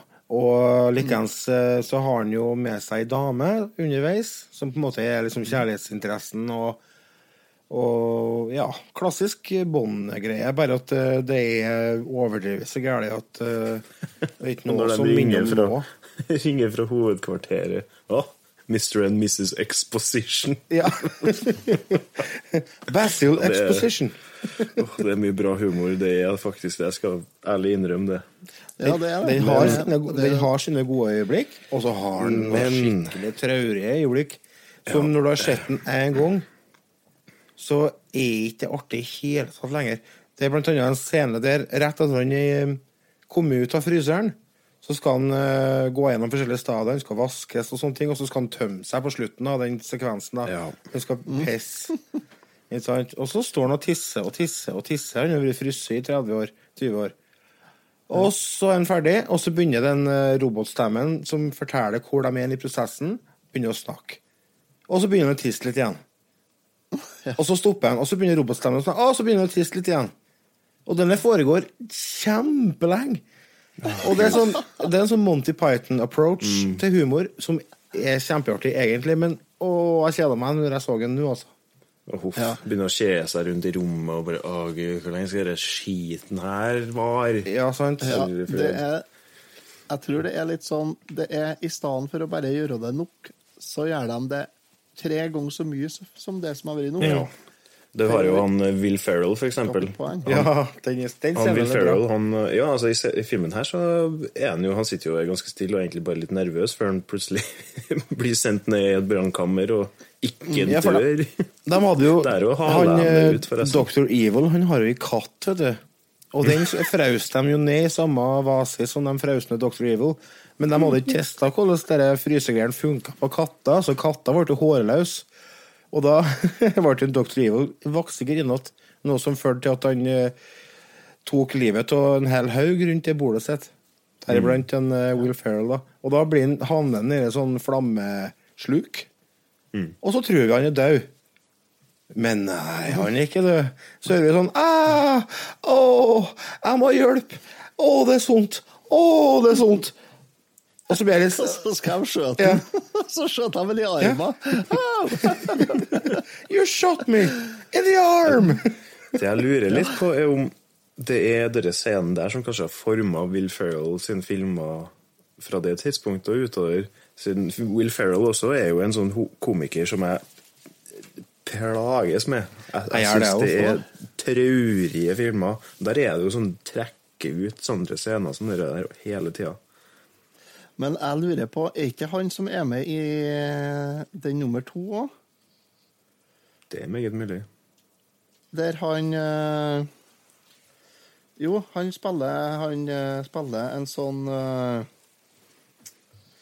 eh, Mustafa et eller annet fyr. Gjerne. En sånn leiemorder der òg, selvfølgelig. Med en sånn eh, fess. Er ikke de rare hattene som ser ut som en kopp med en sånn svart dusk på? Ja, Men det var den karakteren han spilte i filmen her. Var ikke det? Mm, Var det Mustafa han spilte i filmen her, da? Jo, jo, det var kanskje det. Ja, i hvert fall. Men så I den, eh, i den nummer to Eh, så, nummer så to. havner Eh, en utom Ja, i film nummer to. Der, der havner en utom en sånn skrent, Jørn. Etter at de har Jeg lurer på om de har skutt inn eller noe sånt. Da. I hvert fall så ramler den ned skrenten, og så tror de at han er død, da. Men så er han, og da på slutten av filmen, mens rulleteksten går, da hører du Help! I'm badly hurt! De gjør, sik Hello, sikkert en greie ut av det. Nå har ikke jeg noe umiddelbare planer om å se film nummer to eller tre. da. Nei, det skal ikke Og du må jo se nummer to, i hvert fall. Nei, jeg må ikke se. Jo, du Jo, må, altså, du kan se den, du kan se Kan den vi- fordi at uh, Ja. Hvem er det som spiller hun dama der? Oh. Det vet jeg ikke. Var det en titt? Største birollen? Mm, ja. Eh, Verdt å ta en titt, ja. Ja. Det skal jeg mene. Kan vi ta en liten karakteranalyse på Austin Powers? Hva er, hva er greia med den figuren her? Hvor kommer det her fra, liksom? Hvem var det som fant ut at det var en god idé her? Og hva er greia med tennene? Hvorfor er det så stygge tenner? Han er britisk. Er- De hadde det på 60-tallet. Ja, så er han britisk. Brit har stygge tenner. Ja. Men, Alle briter på 60-tallet har stygge tenner. men han er jo en klovn. Han er jo Ja, det er Mark- skitsom. Det er Mark Myers som har fått lov til å komme med fantasifilmen sin her, vet du. Ja, det? Eh, vet du, Det- jeg tror dere stammer ifra faren hans, faktisk. For jeg mener jeg har lest eller hørt noe om at faren til Austin Powers var veldig god til å imitere briter. Så veldig Mm. mye av det som er på en måte trekkene til en Austin Powers, det har han tatt fra faren sin. Ah, Ikke siter meg på det, men jeg er ganske sikker på at det var det. Jeg, ja, jeg mener jeg så det. Det er jo samme skuespilleren som spiller Dr. Evil òg, ikke sant? Jo, ja, Mark Myers, det, ja. Vet du hvem som Eh, egentlig skulle, vet du hvem som om, egentlig eh, skulle vært Dr. Evil? En, annen, en av de mest populære komikerne fra 90-tallet, Jim Carrey. Ja. Ja, han, eh, og Det- Alt var liksom spikra og greit, men på grunn av eh, Men så krasja det med Jeg tror det var Liar Liar. Så han valgte å, å spille inn den i stedet for eh, å være Dr. Evil. Eh, ideen til, til disse Austin Powers-filmene fikk en uh, Mark Myers en kveld han kjørte hjem fra en ishockeytrening. gjorde han. Da hørte han eh, en sang av Burt Bacharach på radioen, og så tenkte han Where have all the swingers gone? og da hadde han fått karakteren Austin Powers inn i hodet sitt, da, rett og slett. Og så er det jo en homasj til James Bond, Peter Sellers, Beatles, Goodies og sånt noe, disse filmene her. Til ære for sin far som, eh, som introduserte den til ham. Mm. Nei, jeg vet ikke. Jeg, skal, jeg er ikke noe glad i å være så voldsomt negativ, men det er et eller annet med sånne filmer som på en måte har en sånn klovnefigur som eh, midtpunkt, som jeg sliter veldig hardt med. Jeg, altså, jeg skjønner jo greia, da. Det, er jo en film for barn. Det er jo der appellen ligger. Folk som, eller barn som begynner å oppdage å, pupper, det er en ting. Ja, altså, målgruppa er jo 12-13-14 år. Mm. Men jeg, jeg merker jeg sliter, altså. Han Men samtidig så var det en sånn greie på 90-tallet appellerer til barn. Det var en greie på 90-tallet med dere parodiene. Og så tenker jeg hotshots-filmene òg. Mm. Og masse Mannen med den nakne pistolserien. Ja, det var mye våpen. Ja. det var mye, mye samme type humor i dem òg. Så det tror jeg var bare en sånn, Mm. det var en sånn greie på 90-tallet. Det. Hva kommer det av dere, det at den er så sexfiksert og alt det der fjaset? Kommer det av at James Bond på en måte ble som et sånn sexikon, at han ville snu den litt på hodet? Ja, men de var jo det alle, de, vet du. James Bond og Peter Sellers og Magnum PI og alle de der var jo uh, sexsymbol og sånt, vet du. Ja, så var han swinger fra 60-tallet, hippietida. Fri Ja, sex, og som han sier, eh, så lenge det er fortsatt er fri, eh, fri bekymringsløs sex med fremmede mennesker og uh, hjerneutvidende dop, så funker jeg veldig bra på 90-tallet. sier han. Det er ikke akkurat det som er på 90-tallet. Er Aids og Ja, så videre. Ja, det er bra. Ikke noe som er med videre. Nei, OK. Nei da, men jeg, jeg skjønner at uh, filmen her kan være utfordrende for deg å se, Rasmus. Han er jo så stygg òg, vet du. Han er ikke litt morsom, syns jeg. Jeg får bare lyst til å gjemme meg under et gulvteppe når jeg ser den. Såpass? Mm. Det som er artig, er de to neste filmene. Så har han jo med litt flere karakterer som, som han spiller sjøl. Blant annet Fat Bastard. Ja. Det er jo han sjøl som spiller. Ja, stemmer det. Er noe som Ja. passer upolitisk korrekt. Ja, Og så har han en karakter som heter Goldmember, som er med i den tredje filmen. Og så får vi, vi med en eh, annen kjendis vet du, i de to neste filmene, som heter Vern Troyer. Hvem farsken? En mini-me. Ja, han det- gikk bort. Han husker jeg. Åh, gud. Gikk han bort for ikke så lenge siden? Ja, han døde for en stund siden. Ja. Ja. Så nei, han har jo fått med mange, mange bra her, altså. Felicity Shagwell heter hun Bond-piken i nummer to. Ikke sånn Shagwell. så karakteren i filmen, håper jeg. Hæ? Karakteren i filmen, håper jeg. Ja, ja, ja, det er Heather Graham som spiller. Ja, bra. Oi, oi, oi. Men uh, er det noe mer å si om filmen her, da? Skal vi ta oss og dra frem karakterboka og fortelle hva vi syns? Ja. Jeg tror vi skyver den ut bakdøra i denne filmen. Der. Nei, det syns jeg ikke. Jeg har en sånn følelse på at jeg havner midt imellom dere, så kan ikke du, Otto, starte først, da? Jo, jeg tror jeg går ut på en uh, Den første filmen, den syns jeg er uh, jeg, jeg, Den nummer to toeren, Jeg syns toeren er, er bedre, Mm. syns jeg. Syns du Ja Toeren. Ja, ikke sant? Yeah. Nei, eh, så Men eh, den her, her syns jeg er en, eh, ja, en GTM. Ja. Enn du, Rasmus? Uh, ah, det her er vanskelig vurderingssak for min del, siden jeg anerkjenner at det er mye bra humor, det er mye bra parodipotensial inne i bildet, og filmen er jo for så vidt skrudd sammen ganske kompetent. Men jeg tåler jo ikke ikke hovedkarakteren i filmen. Jeg tåler jo ikke å se den, jeg tåler ikke å høre den, jeg tåler ikke noe med han. Så her tror jeg vi en, Men blir du flau av en, eller hva det er? Ja, jeg begynner å vri meg i stolen og uffe meg, liksom, og kikke bort og bare Nei og nei og nei, han er så traurig. Det er så langt ifra en rollemodell som du kan få det.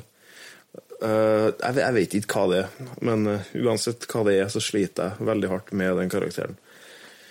Og jeg syns ikke det er noe trivelig å se på. Det, det rett og slett ender opp med nei. Huff. Så mm. jeg skal prøve å midle litt imellom de to synspunktene her og gi den en uh, Det får bli en G minus, da vel. Ja. Det var bedre enn jeg trodde du kom til å gi. Ja, det frister veldig med noe. Det Ja. gjør det. Karakteren skal få en uh, noget minus. altså Kisen, selve Ja, ja, rollefiguren, skal få en. skjønner. Ja. Eh, jeg likte Jeg hadde alle tre på DVD i sin tid, og jeg syns filmene var kjempeartige. Uh, jeg syns ikke den var så artig nå, det må jeg bare innrømme. Jeg, det kan være fordi at kanskje ligger litt av greia i denne filmen, er at også overraskelsesmomentet er litt viktig. For at når du på en måte veit hva som skal skje, så er det ikke noe mye humor i det. Altså det at en aldri blir ferdig med å tisse, eksempel. Så Jeg tror, jeg tror litt av humoren på en måte har med selve filmen her som en hendelse å gjøre. Så er det noen sånn idiotfilm som dette her dropper på kino, så vet jo ikke folk hva de skal tro. Sammen med denne Sasha Baron Cohen-filmen, Bruno, eksempel. Men humor, humor har endra seg veldig mye siden 90-tallet, Rasmus. Mm, det, Så- det er også litt overraskende at filmen her Jeg har forventa at At jeg skulle slite mye mer med den, men humoren er kompetent og funker. Men uh, som sagt, jeg syns ikke det var noe artig å se den nå. Um, så jeg For å være helt ærlig, jeg slo av filmen halvveis uti, så han får en uh, Han får en G minus til meg altså. Han gjør det. Bare som et fun fact til slutt. Vet dere hva den Mini Cooperen som de kjører i treeren, hva det regnord er på den? er? 666. Nei. GR8 Shag. Great Shag. Great Shag. Det kom jo ut, det men det kom jo ut noe spill òg i Vasi her, med faktisk på Gameboy Color. Dem har vi jo testa. To spill. ja. Ja. Du var jo så smart at du til og med bestilte. Du kjøpte jo. Kjøpte Ja, kjøpte kjøpte begge. Oi, Brukt har penger på det der, Ja, Har du lyst til, har du lyst til å brukt fortelle, har du lyst til å fortelle hva på en måte, spillet går ut på? Eh, Nei, jeg kan ikke gjøre det, for at jeg, har ikke, jeg, jeg klarte ikke å sitte og spille. Det var så dårlig at jeg, jeg måtte, For det første så måtte jeg opprette en profil. Og sitte og opprette en profil på en Gameboy, det Det kan være utfordrende. Nei, så det, men det er jo Det består av flere forskjellige minigames. Det som, er, det. det som er litt kult, er at eh, på en måte ramma rundt spillet er at du er inne på en PC. Mm. Med ikoner og sånne ting. Og så har, Du er inne på DOS. ja, så når du er inne på For det er en Austin Powers-versjon, og så er det en Dr. Evil-versjon. Det er samme spillet, bare at det er med f- annen hovedkarakter. Så når du spiller det spillet som er Dr. Evil, så er Dr. Evil 2000 som er operativsystemet. Og med loaderskjerm og greier. Så bra førsteinntrykk, og eh, liker ideen, eh, gjør jeg. Det syns jeg var kult. Men så er det som du sier, det er en samling med minispill. Det er blant annet en sånn? Pac-Man-klone. Der du får traske rundt eh, i uh, layeren til Dr. Evil. Enten som Dr. Evil eller som Austin Powers. Og så var jeg var, var det noen plattformgreier òg. Jeg spilte, men vet jeg husker Ja. fryktelig lite av det. For Det det var så kjedelig. også, ja. Det var så kjedelig. Det vi, ja, det vi burde ha testa, er jo Austin Powers pinball til PlayStation. Oi. Groovy, sier jeg sikkert når han treffer en sånn greie. Groovy, Ja, babe. Groovy, groovy, babe. Groovy, babe. Groovy, groovy, babe. Ja. Skal han bli noe lei? Å ja. Nei, faen, der sa du noe. Det, ja. Nei, jeg skulle Men, kanskje ikke prøvd det likevel, nei. Spillene er jo utgitt av eh, Rockstar, da. Ja, faktisk. Samme selskapet som utvikler og gir ut uh, GTA og Red Dead Redemption. Ja. Det er sikkert ikke samme avdeling, men eh, det er fortsatt eh, Det bør jo være et kvalitetsstempel. Altså På den tida der så ga jo blant annet dem ut GTA1. Kommer på slutten av 90-tallet, 98 eller noe sånt. Og det var jo året før Nei, jeg vet ikke når Helen kom ut. Det jeg. kom til 2000 Ja, det gjorde det sikkert, ja. 2002, Hva var det der? Uh, pa, pa, pa, pa. Det er verdt å teste på en emulator, bare for å ha testa det. Fordi at det er litt annerledes enn andre spill. Jeg har aldri vært borti det konseptet før, så det syns jeg var kult. Og jeg liker den loadeskjermen. Og, og liksom den første gangen jeg gikk gjennom uh, den Pacman-greia, så syntes jeg det var litt artig. Så det hadde litt underholdningsverdi. Men når du har gjort alle minigamesene én gang, så er det egentlig bare å pakke bort og aldri pakke opp igjen. For det er en god idé som ikke har blitt gjennomført bra nok. Men det tror jeg kanskje har med begrensningene til Gameboy. Hadde de f.eks. prøvd å lage en versjon av hørespillet her til Super Nintendo, eller til Megadrive, så tror jeg kanskje potensialet har vært mye større, for da hadde de kunnet ha lagt mye mer øh, jobb i, eh, i minigamesene. At de har vært mer variert, og det har vært flere av dem. Hmm. Ja. Det Det var nok ikke en stor nok tittel til at det var aktuelt å, å bruke noe mye penger på det, kanskje. Nei, sikkert ikke. Spørs det, ja. Vi skulle egentlig snakke litt om et annet spill i dag, som heter for uh, Stormvind. Men det skal, vi, det skal vi ta og snakke litt om i neste episode. Et Sega Dreamcast-spill av alle ting.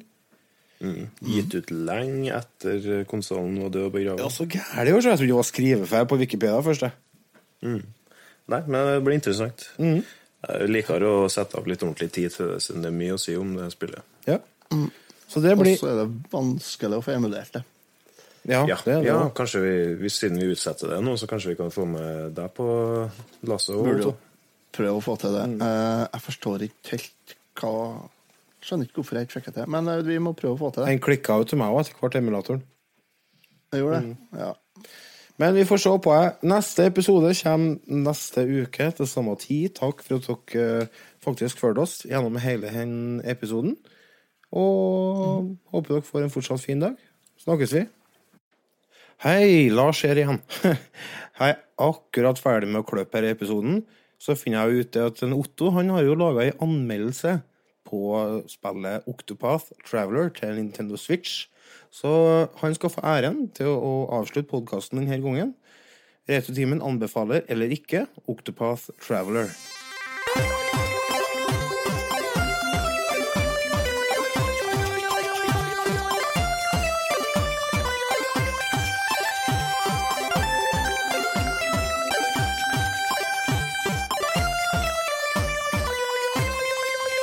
Retrotimens anmelderspalte.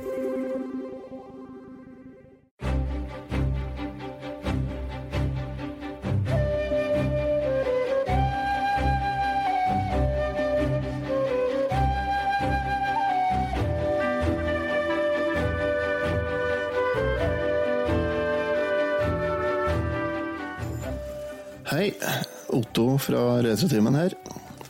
I dag skal jeg snakke litt om eh, et spill som kom ut på Nintendo Switch den eh, 13. juli 2018. Det er ganske lenge siden spillet kom ut. Eh, Vi skulle ha snakka om det flere ganger tidligere, men eh, det har liksom blitt skuvd litt videre, skuvd litt unna. Og Men nå skal vi ta det for oss. Spillet heter Octopath Traveler. Det er et eh, rollespill, et såkalt RPG, som eh, ble laga av Square Enox og Enix og Acquire. Det har solgt over 1,3 millioner eksemplar eh, verden over. Det er bygd i nye en sånn grafisk stil som kalles for HD2D. Eh, Det er kombinerer sånn typisk Super Nintendo-grafikk på karakterer og teksturer.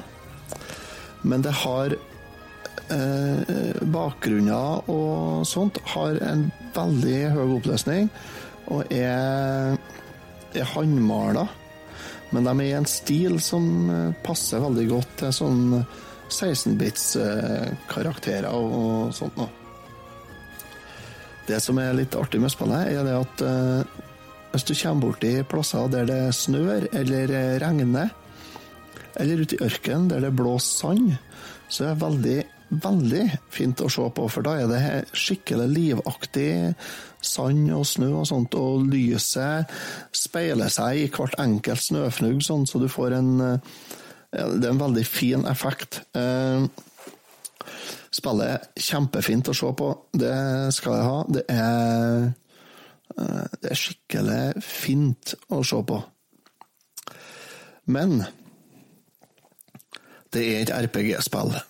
Det er et turn-based RPG-spill. Noe som gjør at uh, jeg syns kampsystemet uh, blir litt for tungvint. Det er for vanskelig det, det, er for, det, er for, avansert, syns jeg. Det er så mye muligheter, så mange kombinasjoner, så mye du kan gjøre. Du kan bruke et forholdsvis svakt våpen mot en sterk fiende, og så gjør du bare bitte litt skade på han. Men så tar du samtidig og bryter ned forsvaret hans, så neste karakter kan komme med et våpen som kanskje gir, gir, forholdsvis stor skade i utgangspunktet, men gir enda større skade pga. den lille skaden som du påførte den hakket før. Og det gjør at du må virkelig sette deg inn i det her, altså. Må du etter hvert utover spillet så finner du jo flere kombinasjoner og oppgraderinger og sånt på våpensystemet ditt som gjør at du, du utvikler det veldig mye. Uh, ja. Uh, spillet består av, uh, som, som, du hører på tittelen på spillet, Octopath, altså åtte stier. Det er åtte forskjellige spillbare karakterer. Det er Ophelia, Cyrus, Tressa, Olberic, Primrose, Alfin, Therion og Haanit. Uh, alle disse her har sin egen bakgrunn, sin skjebne og sin sti, som fører fram til en felles uh, skjebne, felles ende, da, kan du si. Det er åtte forskjellige helter og historier som vever seg sammen. Alle i hop har en tilknytning til Galdea, Galdera, the god of life and death. Gjennom spillet så, så vil de forskjellige karakterene eh, treffe på hverandre, og til slutt vil de treffes i lag, der de skal slåss en skikkelig kamp mot den onde guden for å få den ned for godt. Og det skal skje der eh, The Fallen Kingdom of Homburg eh, falt. Så spillet ble jo skrytt opp i skyene i, av kritikere. Uh, Sjøl så er jeg kanskje litt grann tilbakeholden. Det har fått uh, kritikker ifra 7,5 av 10 og opp til 9,3 av 10. Men uh, flere har havna på rundt 8 av 10. Vi bruker jo ikke et sånt karakter, karaktersystem i hele tatt. Vi bruker jo de gode, gamle skolekarakterene. Og det skal jeg komme tilbake til. Når det gjelder eh, grafikken, så er det fint lite å sette fingeren på i spillet her. Den er helt nydelig. Bakgrunnene og sånt er kjempefin. Eh, jeg syns det er til tider er zooma litt for langt ut, sånn at karakterene blir litt for små og ubetydelige på skjermen, og at det er fokusert for mye på bakgrunn og, og det rundt og bak, altså sånn landskap og byer og sånt noe. Det sagt, så er det til gjengjeld gjort så fint, og er gjort på en så fin måte, med så mange lag og så mye unike detaljer, at det er jo Du kan jo bare sitt- bli sittende og se på det, uten å i det hele tatt spille noe, bare se og studere detaljer. Grafikken er en er en meget pluss. Den er kjempefin. Og det elementet med at de trekker inn 16-bits sprites inn i et bakgrunnsbilde som er så fint, det syns jeg er helt supert. Musikken til spillet er virkelig en stemningsskaper. Hver eh, hero, eller hver helt i spillet, har sine egne melodier. Alle byer og sånt har egne melodier. Totalt så tror jeg det er nesten fire timer med musikk. Musikken er selvfølgelig, skal jeg da si, eh, mye klassisk musikk. Altså den typen, da. Med orkester og, og Veldig bra. Den er gitt ut som en egen dobbel-CD, faktisk, musikken, så den er mulig å kjøpe seg hvis en, eh, hvis en vil ha den. Ligger selvfølgelig ute på YouTube, alt som heter musikk til sånt. Så Når det gjelder selve gameplayet, så var jeg litt inne på det i stad. Det er åtte karakterer. Jeg syns at det åtte karakterer er fire for mye, men eh, på den andre sida, spillet heter Oktopat og ikke Kvadropat, så det er litt for mye karakterer, litt for mange hovedroller å holde styr på. Eh, det, jeg syns det var vanskelig å klare å holde fokuset opp. Det kjeda meg, rett og slett, spillet. Gjorde det. Handlinga ble litt for eh, tam. Det ble for eh, mye repetisjon. Litt for mye grinding. Og så det klassiske at du får ikke lov til å gå i fred i hele tatt, for du blir plutselig overfalt av eh, slimete snegler og slemme krigere. Handlinga mm, G pluss. G. Jeg blir irritert når jeg ikke får lov til å gå fra én plass til neste uten å bli overfalt 32 ganger på den turen. Jeg blir irritert, og det er ikke positivt. Samtidig, handlinga det greide ikke, Historien greide ikke helt å fenge meg. Eh, mulig jeg valgte feil karakterer til å begynne med, men det var ikke fengende nok. Det var, eh, det var rett og slett ikke fengende nok, var ikke det. Spillet har fått enormt god kritikk på, som håndholdt spill. Det kan jeg tenke meg det passer veldig bra til som håndholdt, der du spiller en, en time på trikken eller noe sånt. Men eh, når du setter deg ned med på stor skjerm, så syns jeg det ble litt eh, Jeg syns ikke det ble fengende nok, rett og slett. Så, så alt i alt Jeg gir spillet her en uh, meget minus. Spillet er sannsynligvis, hvis du liker RPG-spill, og du ikke har noe imot uh, turn-based uh, kampsystem, og du liker å sette deg inn i våpen og kampsystem, og hvordan du skal bygge et godt kampsystem og analysere kamper for å vite hvordan du skal gjøre det sånn best mulig, så er det her et spill for deg. Hvis du liker Final Fantasy og spillene og sånt så er det her sannsynligvis et spill for deg. For min del så så falt det litt gjennom. Så eh, Som sagt, meget minus. Det kommer sikkert på tilbud snart, og det, da er det det er helt sikkert verdt pengene hvis du får, det på tilbud til 200-300 kroner. Det byr jo på uendelig mange timer med spilling hvis du skal prøve å komme gjennom alt. Eh, Jeg har hørt folk har brukt både 60 og 70 og 100 timer på det, så liker du sånne spill, så kjør på. Hvis ikke, hvis du vil ha et spill der du får uh, uh, action du styrer sjøl, og slåssing du styrer sjøl, så setter du pengene på noe annet. Det var meg. Alt for meg. Octopath Travel, Traveler. Ha det.